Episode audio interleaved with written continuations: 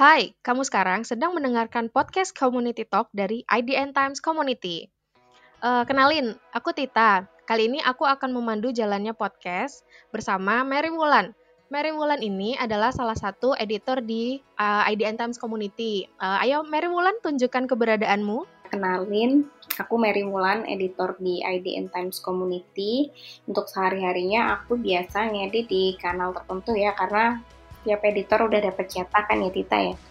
Itu aku ngedit buat kanal live sport sama men gitu. Anyway kita ini nggak nggak ada di satu ruangan yang sama karena karena lagi pandemik dan uh, IDN IDN Times lagi uh, eh, WFH udah hampir setahun udah setahun lebih kalau nggak salah. Kita tuh WFH tuh awal Maret ya. Ini ini juga awal Maret sih. Jadi jadi ini tuh kayak tepat satu tahun kita WFH dan uh, kita kita udah lama lama banget nggak ketemu. Jadi podcast ini diproduksi tidak dengan cara dua orang berkumpul di ruangan yang sama. Jadi Mary ini lagi di tempat di tempatnya di rumahnya dan aku juga lagi di Surabaya.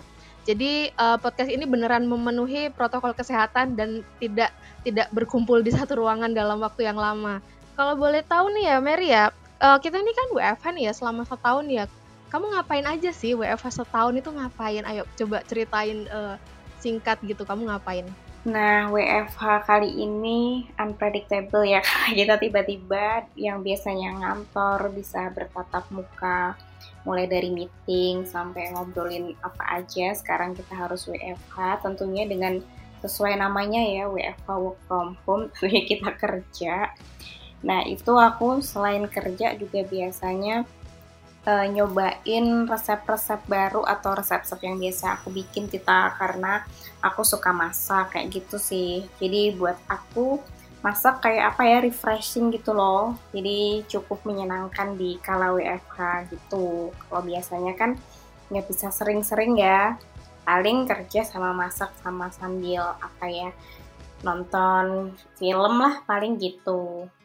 Gitu aja sih aku ternyata bisa masak ya. Enak kalau misalnya bisa masak tuh kalau kalau pandemi gini kan mau mau order makanan online gitu tuh kadang susah kan ya. Kadang di diterima kadang ditolak sama drivernya kadang restonya tutup karena harus uh, ada jam malam. Kalau bisa masak sendiri tuh beneran enak. Mau makan apa tinggal beli ke pasar dimasak sendiri. Um, anyway ngomongin soal kerjaan nih kan kita WFH nih ya. Uh, aku pengen tahu bedanya WFH sama kerja di kantor itu menurut kamu apa? Ngedit artikel tuh ada bedanya nggak sih di kantor sama di rumah? Kayak kalau di kantor itu banyak godaannya. Jadi ada temen-temen ngobrol apa gitu kepo pengen gabung. Terus kemudian ya biasa kan di kantor teman-teman pada ngajakin order ini order itu di jam-jam kritis ya. Itu tergoda sekali. Oh iya ngomongin soal kerjaan ya, selama pandemi ini ada sesuatu yang unik dari sebelum pandemi loh Tita. Tita kan juga ngedit ya, Tita ini juga editor di IDN Times teman-teman. Nah aku tuh baru ngeh kalau ternyata itu selama pandemi jumlah penulis barunya tuh naik. Kalau biasanya tuh di sebelum pandemik tuh jarang banget melihat nama-nama baru paling nama yang itu-itu aja kayak gitu. Nah selama pandemi ini aku tuh notice banyak banget nama baru gitu yang submit tulisan. Tapi sayang banget tulisan dari mereka tuh kebanyakan belum bisa diterbitin gitu kita kalau yang aku lihat ya kebanyakan mereka itu tulisannya masih belum sesuai dengan kaidah-kaidah penulisan di IDN Times Community ya. Karena sebenarnya di media mana pun itu kita harus ikut aturan di dalamnya kan, di mana pun medianya, karena medianya tuh bukan blog blog pribadi kayak gitu. Mungkin menurut aku juga mereka kurang seksama dalam membaca panduan penulis yang udah ada di dashboard IDN Times Community. Uh, bentar-bentar, emangnya panduan menulisnya tuh ada ya? Oh ada, dia bisa dilihat di dashboard ya, di section dashboard baik di desktop maupun di app-nya IDN Times ya. Di sana tuh tertulis bang, apa namanya panduan buat menulis yang sesuai dengan stylenya IDN Times kayak gitu. mulai oh, lengkap banget di sana. Jadi mungkin kalau teman-teman pengen tahu gimana sih cara menulis yang sesuai dengan aturannya IDN Times Community, itu sudah ada lengkap banget di sana tertulis mulai dari panduan tuh gimana cara menulis judul, subjudul, sama format artikel kita tuh seperti apa. Terus dengan baik hatinya tuh di sana tertulis di mana saran untuk mencari sumber gambar kan gampang banget kan. Itu mungkin teman-teman tuh kesalahannya tuh juga gitu dari penulis baru yang aku ceritain sebelumnya tadi ya emang banyak. Tapi mungkin terpaksa belum di publish mungkin bisa di reject atau direvisi itu.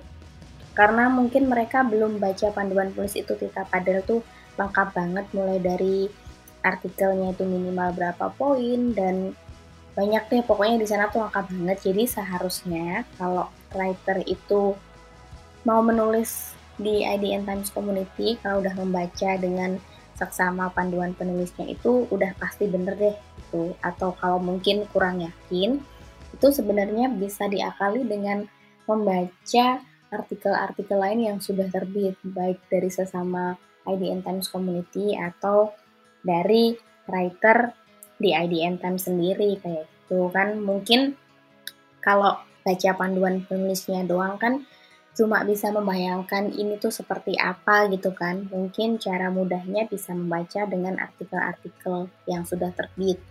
Pertama kalau kamu sudah punya apa kanal favorit gitu misalnya mau nulis di kanal ini tuh tipe-tipe artikel yang sejenis sama artikel yang kamu tulis tuh kayak gimana sih outputnya tuh bisa banget di kontak ya di IDN Times Community untuk artikel yang berhasil publish tuh kayak gimana itu mungkin bisa membantu dari habis baca panduan penulis terus kemudian bisa lihat kayak penampilannya itu gimana sih perwujudan dari si panduan penulis, penulis itu ketika udah jadi artikel gitu. Oke, karena kadang-kadang uh, kalau misalnya ada penulis baru gitu ya, mereka tuh kayak terkesannya buru-buru gitu nggak sih? Pokoknya uh, nulis dulu apa yang mau mereka tulis, uh, dan pakai bahasa yang cuman kadang mereka sendiri yang tahu dan kita nggak nggak nggak ngerti apa yang mereka tulis. Uh, kemudian juga gambarnya aja nyomotnya dari Google sumber gambar ditulis google.com gitu. Dan kita nggak tahu mau verifikasi gambar ini asalnya dari mana ya kan. Itu itu karena mereka terburu-buru pengen di pengen segera dipublish artikelnya. Padahal uh, di sisi lain ya Mary ya justru artikel yang dibuat secara terburu-buru tuh malah justru yang sebenarnya berpotensi untuk tidak diterbitkan karena karena banyak kesalahan ya nggak sih? Bener Tita, banyak kesalahan di sana ya dari teman-teman penulis itu. Itu banyak banget kesalahan umum. Jadi sebenarnya kalau mungkin tadi bilang panduan penulis ya, itu dengan mereka baca kemudian nulis misalnya ya jeleknya itu idenya nggak menarik atau mungkin sudah banyak ditulis di IDN Times Community itu sebenarnya para editor dengan murah hati mau loh ngecek tulisan kamu gitu. Untuk wah siapa nih? Nama ini belum pernah muncul sebelumnya. Kemudian kemudian dia submit tulisan tapi tulisannya itu udah sesuai dengan ketentuan yang ada di panduan penulis tadi mulai dari judul, excerpt, kemudian fotonya yang diambil dan dipilih itu juga bagus-bagus. Sumber gambarnya juga dari sumber gambar yang gratis dan memang boleh dipakai ulang bukan dari media-media nasional kayak gitu. Itu sebenarnya bakal memudahkan dia banget gitu loh. Jadi kayak istilahnya secara umum itu udah bener kayak gitu. Jadi memudahkan kita buat ngedit Nah, kesalahan yang paling umum nih oleh penulis-penulis baru di IDN Times Community itu tenang aja sebenarnya nggak usah buru-buru, santai aja. Nah, mungkin karena belum terbiasa buat menulis atau mungkin pernah menulis di media-media lainnya, tentunya beda media, beda aturan ya, mungkin masih menyesuaikan diri gimana menulis di IDN Times. Nah, itu kesalahan yang paling umum, nah itu banyak banget sebenarnya ya. Mulai dari itu tadi yang kita singgung di sebelumnya itu penulisan link sumber gambar itu. Misalnya oh ya tadi kita ngomongin sumber gambar ya. Sumber gambar yang nggak boleh itu dari media nasional kayak gitu. Terus kemudian dari mana ya yang bercopyright kayak gitu tuh nggak boleh. Jadi misalnya di penyedia gambar itu bisa jadi itu nggak boleh dipakai ulang di media atau penggunaan komersil itu nggak boleh. Nah teman-teman tuh juga kurang memahami hal tersebut ya Tita. Jadi mereka asal mengambil gambar kayak gitu. Nah itu yang pertama kan nyari sumber gambarnya, yang kedua itu penulisan link sumber gambarnya itu seperti yang kamu bilang di google.com tadi. Nah, itu sebenarnya misalnya mereka mengambil dari uh, apa penyedia gambar gratis ya seperti yang udah kami sebutkan di panduan penulis seperti di Unsplash misalnya. Nah, itu mereka tuh kebanyakan nulisnya udah bener nih udah bagus gambarnya itu udah yang jernih sesuai dengan apa artikelnya. Tapi menulis gambarnya cuma unsplash gitu doang. Kan itu kadang bikin sebel ya. Aduh minor banget nih kurang dikit. Tapi kenapa dia salah menulis ya? Nah itu harusnya itu penulisannya itu unsplash.com atau bisa unsplash aja terus garis miring dari username di unsplash itu kayak gitu. Kemudian linknya itu diisi dengan link gambarnya. Kalau mungkin dari sisi writernya nggak bisa ya ngeklik. Nah kalau kami editor itu bisa nanti linknya tuh kami klik beneran nggak ke gambar itu kayak gitu untuk memastikan sumbernya itu bener. Nah itu kadang-kadang yang sering banget dilakukan oleh penulis-penulis yang baru kayak gitu. Terus kemudian ada lagi nih, nih sudah 2021 ya Tita ini penulisan di ke yang sambung dan bisa itu masih banyak banget. Paham, paham banget, paham ya, banget. Gimana, itu, gimana?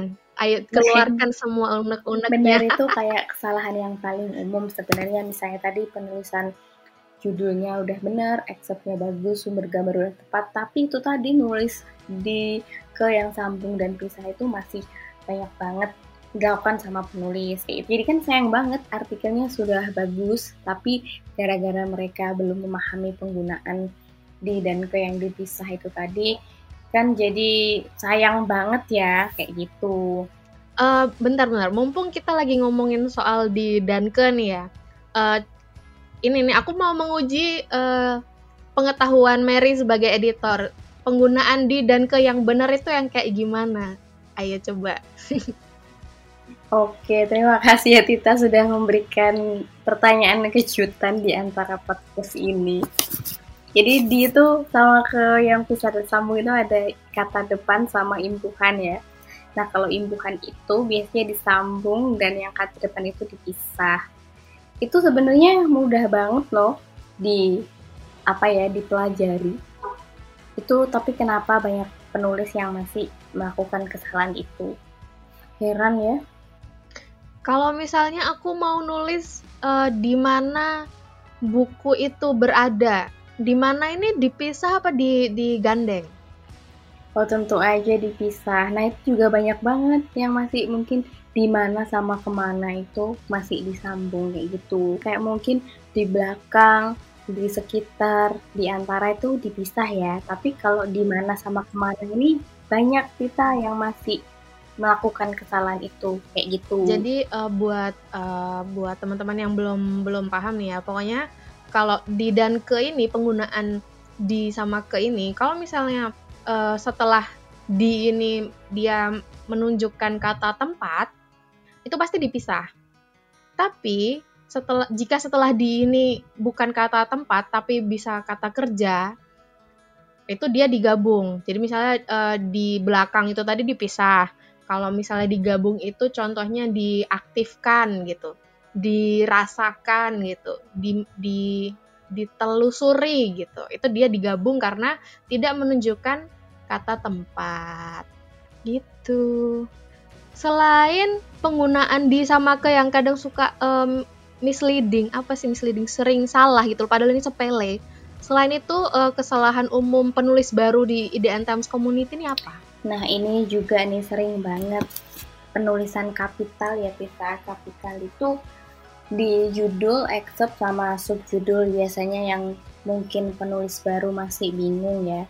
Jadi di judul itu memang agak tricky ya. Mungkin yang belum terbiasa itu bakal susah me membedakannya karena itu tadi di beberapa setiap media itu punya aturan yang berbeda dan kalau di IDN Times itu kapital di judul itu buat kata depan atau kata sambung itu atau partikel itu kita pakainya nggak kapital. Jadi misalnya di untuk tentang yang gitu kita pakai hurufnya tidak kapital kayak gitu. Nah itu mungkin ya nggak apa-apa lah ya kalau mungkin penulis baru. Manfaat dari membaca artikel-artikel lain yang sudah terbit itu supaya tahu gitu loh penggunaannya tuh kayak gimana.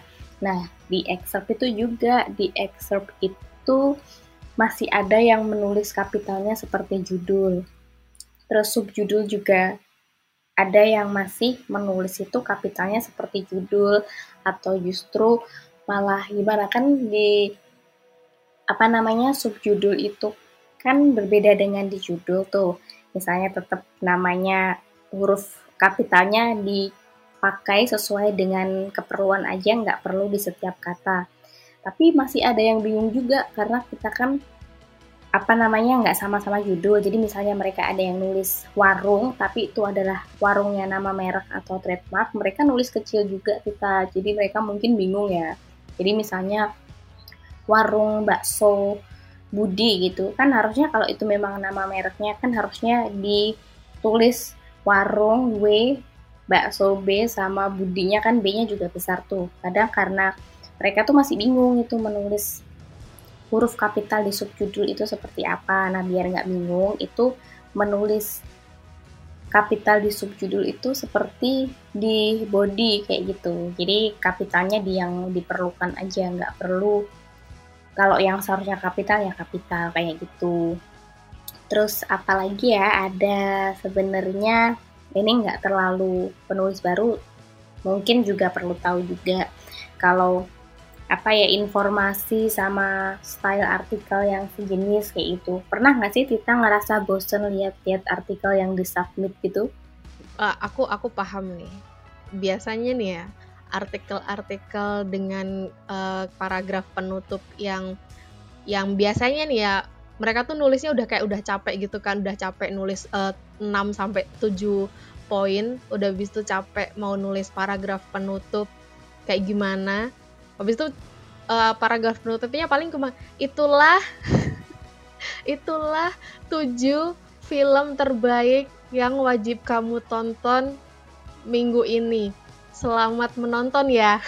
Itu gitu. Aku paling sering banget nemu paragraf penutup yang ditulis dalam keadaan sudah terpaksa dan kelelahan tapi mau nggak mau harus ditulis paragraf penutupnya iya nggak?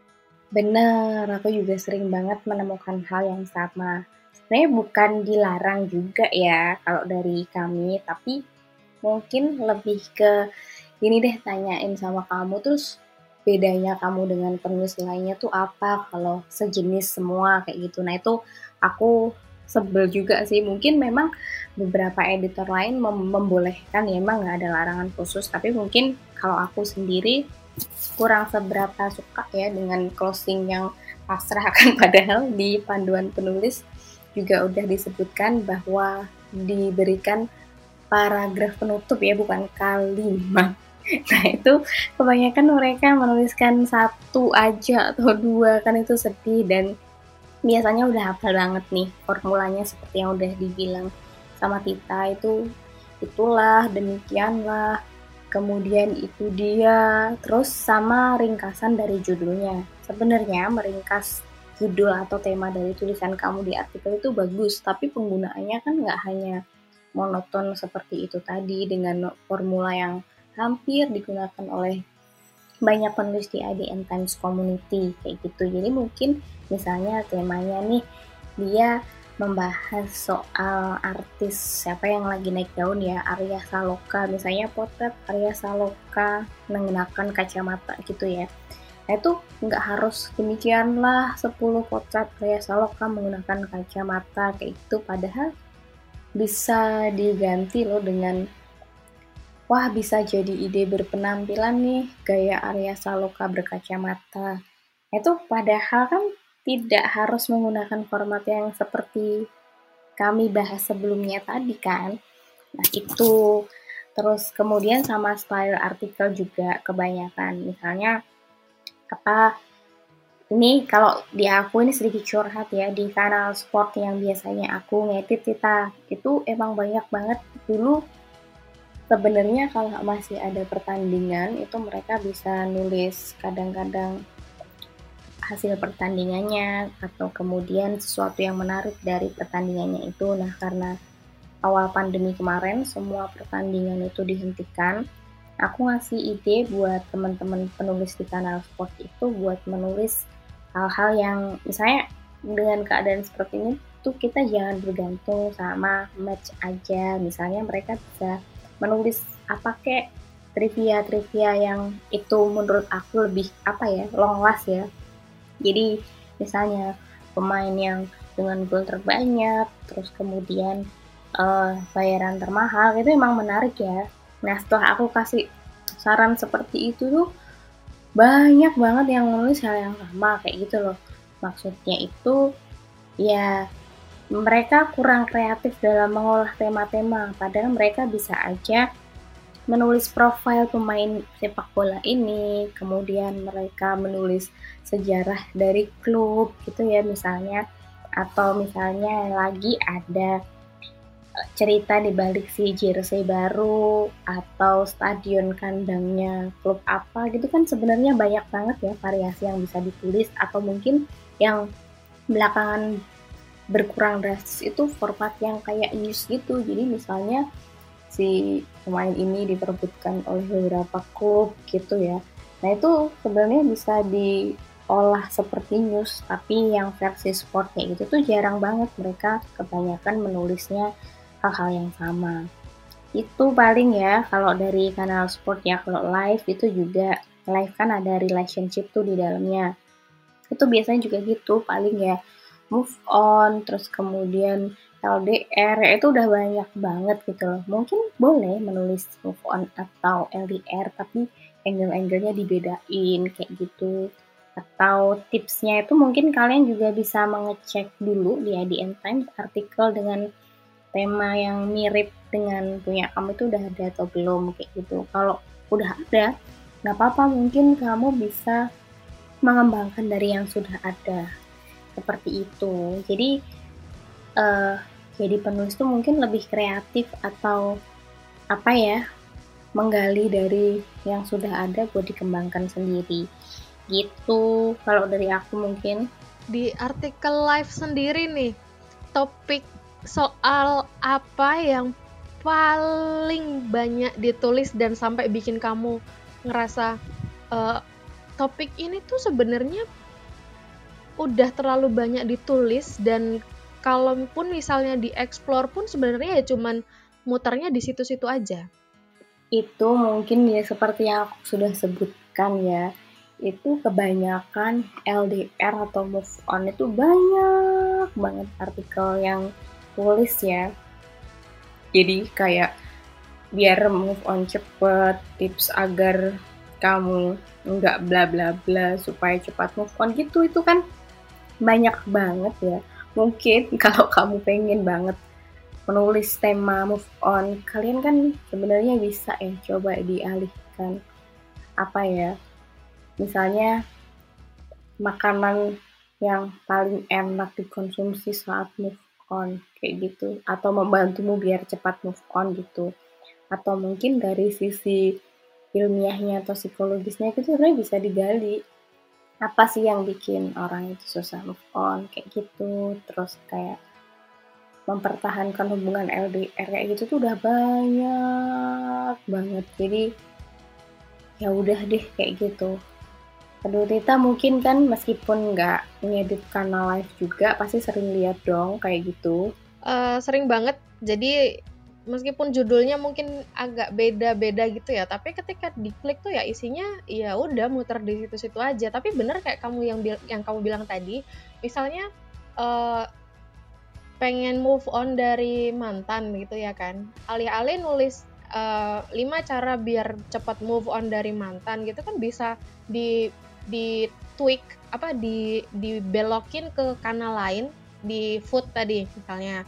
Jadi uh, lima makanan ini bikin kamu cepet move on dari mantan. Isinya apa? Loh kenapa makanan bisa bikin move on? Misalnya isinya uh, coklat isinya uh, dessert ice cream makanan-makanan yang bikin good mood. Terus nanti kalau mau dibelokin ke health juga bisa. Kenapa makanan-makanan ini bikin orang good mood? Apa hubungannya dengan tubuh manusia? Nanti bisa belok ke sains lagi di di riset makin dalam. Kenapa makanan ini bisa bikin uh, badan kita terasa lebih enakan lebih mood. Oh ternyata ini ini. Sebenarnya bisa banget ya nggak nggak cuman muter di situ-situ aja ya kan?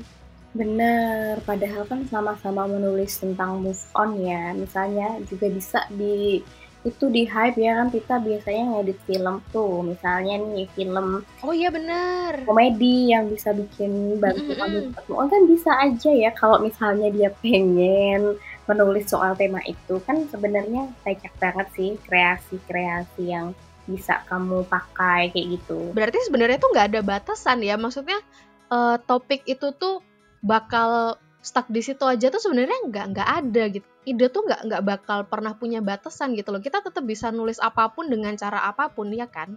Betul. Waktu itu kan pernah nih kita ditanyain buat konten Instagramnya community ya Tita ya kayak quote-nya kita itu aku juga ngasih tahu sebenarnya kan banyak tuh community writer yang nanya mentok ide kayak gitu. Itu tuh sebenarnya mungkin mereka kurang berani untuk mencoba ya mencoba ide-ide baru.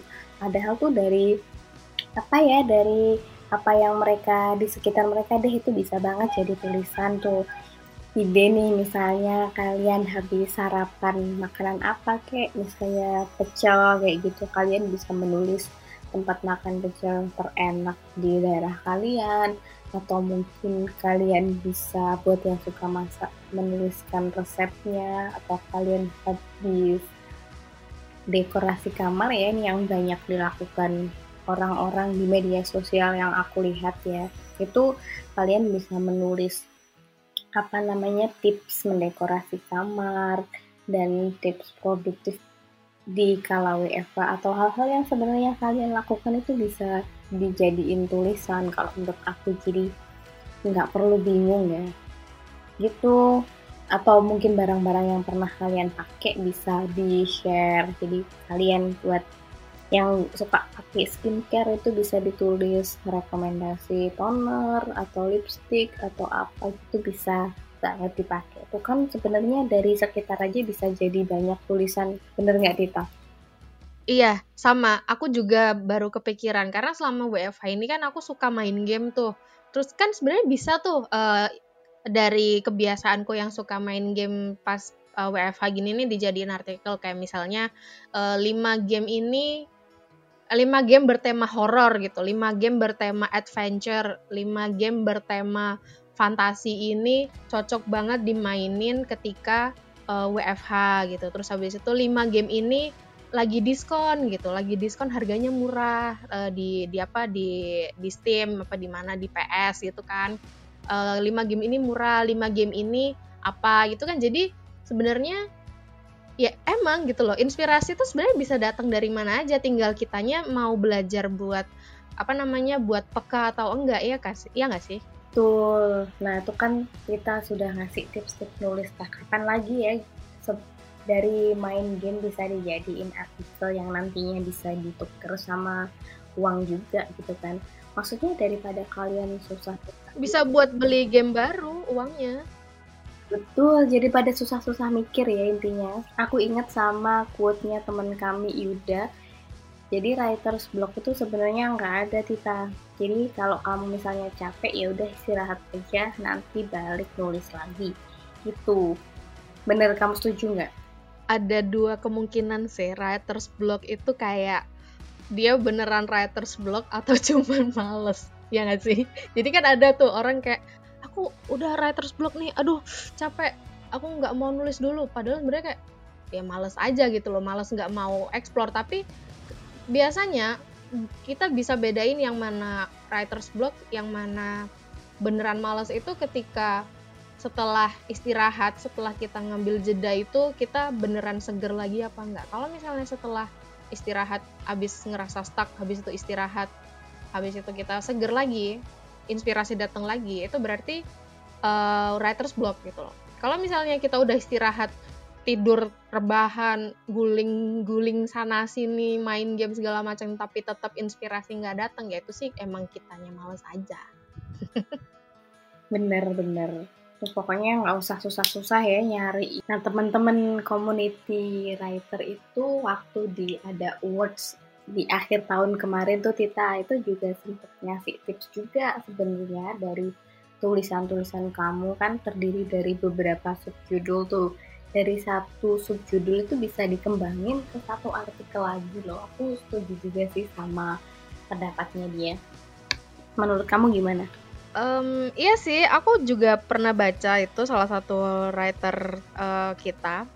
Uh, juga bilang kalau misalnya dari setiap subjudul itu bisa dikembangin lagi jadi artikel yang berbeda itu itu emang bener gitu loh. Misalnya tadi uh, kalau misalnya artikel relationship kan uh, kalau move on kan ABCD apa gitu. Misalnya kalau mau ngambil topik lain yang bisa dijadiin uh, artikel lagi itu uh, misalnya tadi aku ngomongin apa game gitu kan ya. Misalnya game 5 game yang bisa dimainin saat WFH. 1 game A, 2 game B, 3 CDS uh, etc gitu kan. Nah, dari dari poin satu ini kita bisa bisa bisa bedah lagi gitu loh. Game A ini apa? Itu bisa jadi satu artikel kayak uh, developernya siapa, dibikin tahun berapa, karakternya apa, terus uh, jalan ceritanya kayak gimana, habis itu ada di platform apa, di PS atau di PC atau di mana di Xbox habis itu harganya berapa rilisnya di mana gitu. Habis itu kita reviewnya seperti apa. Itu sebenarnya kalau kita mau kalau kita beneran mau mau riset mau gali lebih dalam soal tulisan kita itu setiap poin-poin yang kita tulis tuh bisa nyabang lagi jadi artikel-artikel baru yang artinya kalau misalnya ditulis pakai uh, cara yang benar kalau udah baca panduan menulis ya kan itu bisa diterbitin dan bisa dapat uang gitu loh. Jadi kenapa banyak yang masih enggan baca panduan penulis? Padahal sebenarnya di situ tuh udah udah compact gitu loh udah padet gitu loh. Um, semuanya ada. Mulai dari uh, bedanya listicle dan narasi cara bikin artikel per kanalnya kayak gimana semuanya dikasih tahu bingung cara nulisnya kayak gimana juga ada video uh, interaktif soal apa namanya interface-nya seperti apa apalagi yang mau di, diminta gitu loh apalagi yang mau di, ditanyakan itu semuanya ada di situ. Jadi buat penulis baru mendingan uh, kalian mulai buka laman panduan penulis di dashboard biar nggak ketinggalan sama writer lainnya. Ya kan Mbak Mary? Bener, terus sama itu lagi sih jangan terpaku sama tulisan kalian yang pending. Nah ini penting nih. Jadi mending, Iya ya itu kadang ya emang kita tahu ya mungkin rasanya kayak gimana kok udah nulis sesuai dengan panduan. Itu apa namanya kok belum terbit juga itu ya udah terus saja menulis dengan tema-tema yang berbeda kayak gitu atau mungkin uh, kalian bisa juga mensubmit ulang tulisan yang sama tapi dirasa udah sesuai dengan ketentuan tapi dengan jedanya yang agak lama ya jangan satu dua hari atau di minggu yang sama itu submit tulisan kalian yang mungkin belum dicek sama editor. Jadi setidaknya berapa lama ya Tita? Dua minggu ya kira-kira boleh submit ulang tulisannya? Iya, idealnya 2 sampai 4 minggu. Jadi uh, kalau udah submit, sabar, ditunggu dulu.